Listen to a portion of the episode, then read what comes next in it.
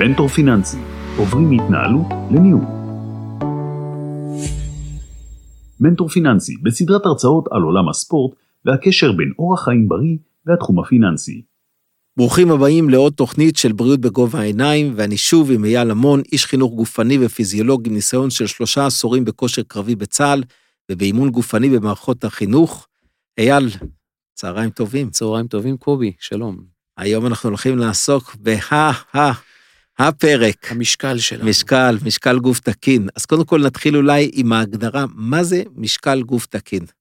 האמת, יש אה, די חילוקי דעות בין החוקרים לגבי מהו משקל גוף תקין, יש כאלה שיגידו בכלל שמשקל גוף תקין הוא כל משקל שבו אתה מצליח לחיות חיים בריאים. אבל אנחנו רואים במחקרים שככל שהמשקל נע למספרים מסוימים, החיים כבר לא כל כך בריאים שם. ולכן לפני הרבה הרבה שנים השתמשו בכל מיני אה, שיטות, אגב, הכל התחיל בכלל מאיזה חברת ביטוח, שרצתה להגיע למצב שבה היא, אה, מה שנקרא... מגדירה את ה, את ה... בעצם את ה... נקרא לזה על הסקאלה, מי בן אדם בריא, כשברגע אדם... שהיא מקבלת אותו אה, לביטוח, מאחר ואני עוסק בתחום הזה, אמת. אז אנחנו, חברות הביטוח, יש BMI, שזה אחד BMI. מהדברים שחברת הביטוח בודקת. זה באמת אחד המדדים העתיקים שהשתמשו בו. הוא מעניין, מדד שבו... מעניין, הייתי בטוח שזה משהו חדשני. לא, אנחנו לוקחים למעשה את... אה, הוא מדד, מה זה BMI? זה, קודם כל זה body mass index, זה מדד למסת הגוף. אנחנו מדברים ב-BMI על משקל לחלק לגובה שלנו במטרים בריבוע. ול-BMI יש דבכים. הטווחים של ה-BMI בטווח התקין, אם אני אחלק כרגע את המשקל שלי, בגובה שלי במטרים בריבוע, לצורך העניין שוקל 90, ואני בגובה של מטר 83 סנטימטרים, אני אעלה את זה בריבוע, אז אני אקבל סוג של מספר. כל מה שנע בין 18.5 ל-25 נחשב למשקל גוף תקין לפי אותו BMI, אז לצורך העניין, לפי ה-BMI, אני נחשב לאדם בעל רמת השמנה. נכון. אז ה-BMI זה מונח שלאט לאט פס לו מן העולם, מה שנקרא ביי ביי ל-BMI, והיום אנחנו הולכים לדרכים שהן קצת יותר חכמות, והן לא מתייחסות אלינו למעשה כמסה, אלא כמסת גוף רזה. דרך אגב, כשאתה אומר ביי ביי ל-BMI, כן. זה מאוד מעניין, כי הרבה פעמים הייתי מגיע לחתם את אותו תפקיד שיש בחברת הביטוח, שאותה גברת או אדון שמחליטים באיזה תנאים האדם מתקבל לביטוח. ואתה אומר, כן. תקשיב, ה-BMI שלו אה, מאוד גבוה. אני לא יכולה לקבל אותו, שאני אקבל אותו בתוספת אה, מחיר מאוד משמעותית. כן. הייתי אומר לה, תקשיבי, זה הבן אדם הכי בריא, עושה ספורט כל היום, הוא פשוט שרירי, ולכן הוא לא שמן, אה, יש לו מסת שריר מדהימה. ו... אין ספק. כל מה שעשו עם ה-BMI, פשוט חיפשו דרך קלה ומהירה לנבא את הסיכון למחלות לב, ואז הגיעו לאיזה נוסחה כזאת. אבל אנחנו יודעים שהמשקל הוא מורכב מכמה פרמטרים, ויש חשיבות אם מקורו בשריר או מקורו בשומן. אז מה, מה עם השיטות uh, המדידה שנהוגות היום? אמרת היום כבר אומרים ביי ביי ל-BMI. Uh, bye bye ל-BMI. אז מה היום? מה נהוג היום? היום נהוג לעשות uh, שיטות נוספות, יש שיטה שנקראת BIA, או Bio-Impedance Analysis, אנחנו עושים את זה תחת uh, התנגדות חשמלית, שבה אנחנו יכולים uh, לזהות אם אדם מסוים, מקור המשקל שלו הוא במסת גוף רזה, כמו שרירים ועצמות, לעומת שומן, כי ברגע שאנחנו מעבירים זרם חשמלי דרך הגוף, אנחנו יודעים ששרירים הם 75 מים, לעומת ששומנים זה רק 20-25 מים, אז כביכול השומן מתנגד להולכה החשמלית, ויש איזה אלגוריתם שהמכשיר יודע לחשב עבורנו, אז אנחנו מתייחסים היום לדבר שנקרא בדיקת התנגדות חשמלית. אז רק, אנחנו מדברים באמת, ראיתי ב... ו... בד... ראיתי, אני חושב, בסופר פארם, או באחד מה, מהמקומות, כן. משקל שבעצם, אה, משקל פשוט, שאומר לך גם שאתה עולה עליו, אמת. יש איזושהי הולכה, זאת אומרת, זה לא משהו, איזשהו משהו מסובך. לא, ו... זה לא מסובך, אפילו לא מסוכן, לא מרגישים את הזרם של החמישה או שבעה וולט שיש שם. מדובר בהתנגדות חשמלית מאוד מאוד פשוטה, שהגוף, המכשיר יודע לחשב ממנה כמה אחוז מהגוף שלנו מקורו בשומן וכמה במסת גוף רזה. הבנתי. אז אה, אם זה ככה, וזה אחד הדברים שאנשים אה, קונים ושמים את המשקל בבית, זה כמה פעמים צריך להישקל? פעם בחודש? אנשים, אנשים שנשקלים פעמיים ביום או שלוש פעמים ביום, וכל היום סביב הנושא שאלה הזה. שאלה מצוינת, אני חושב שכל דבר שהוא התמכרותי, או כל דבר שאנחנו אה, משקיעים בו יותר מדי עניין, אני חושב שבמקום לעלות על המשקל פעם ביום, צאו לפעילות פעם ביום ותעשו את הבדיקה של המשקל אחת לשבוע, ואף לשבועיים זה משהו שיהיה קצת יותר חכם, מאשר כל היום להיות באובססיה מה קורה עם המשקל שלי, כי גם לוקח לו זמן להראות שינויים, אז בטח שלא נעשה את זה אחת ליום. הבנתי.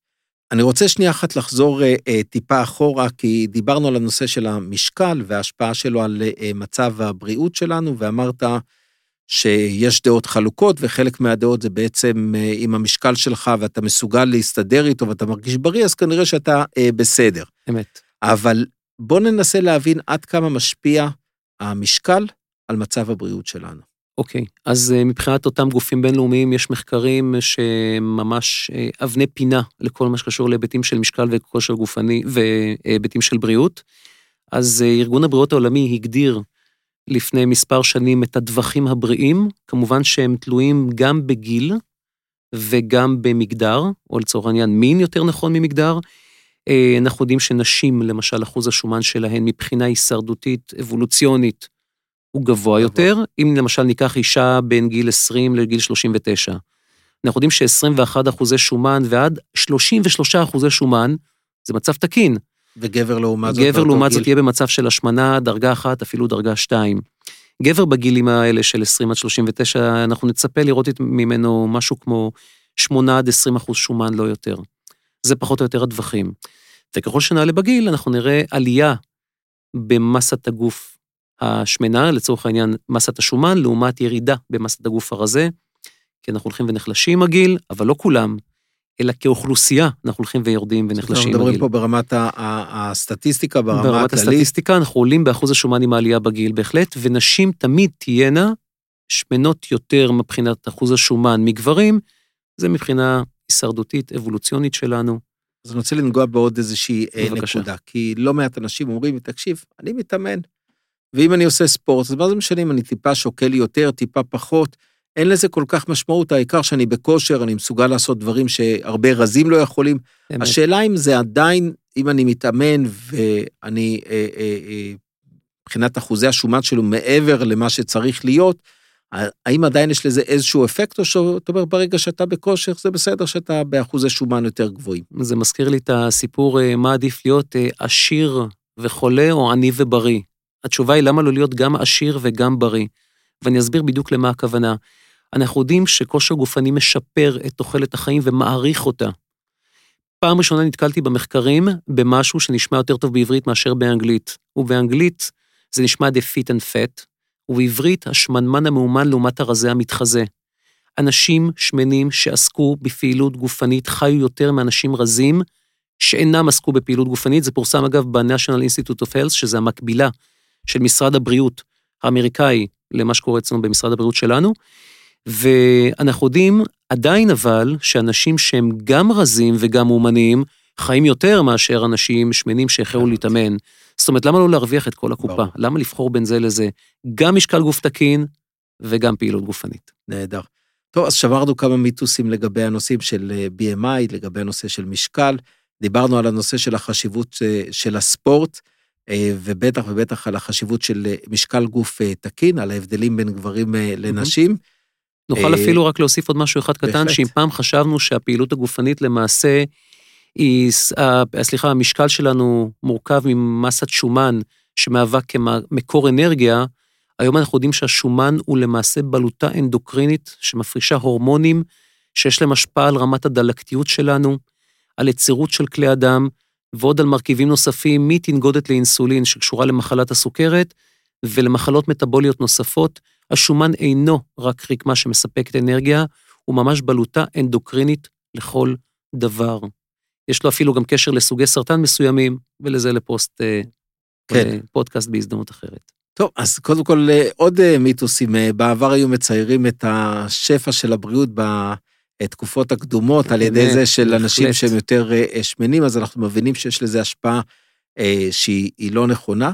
דרך אגב. שמעתי לא מעט הרצאות גם על הנושאים של eat less, live long. זה נקרא The Caloric Restriction Theory, נכון, אמת, כן. נכון. מחקרים שבוצעו בעיקר אגב בבעלי חיים, אבל אין ספק שלהעמיס על מערכת העיכול שלנו זה דבר שהוא לא בריא כל כך. טוב, אמר אנחנו... את זה הרמב"ם לפני 800 שנה, ממלא קרסו מקבל חולאים, ומוטב יאכל האדם עד כדי רביע מזוויעתו. לגמרי. וכנראה לא סתם.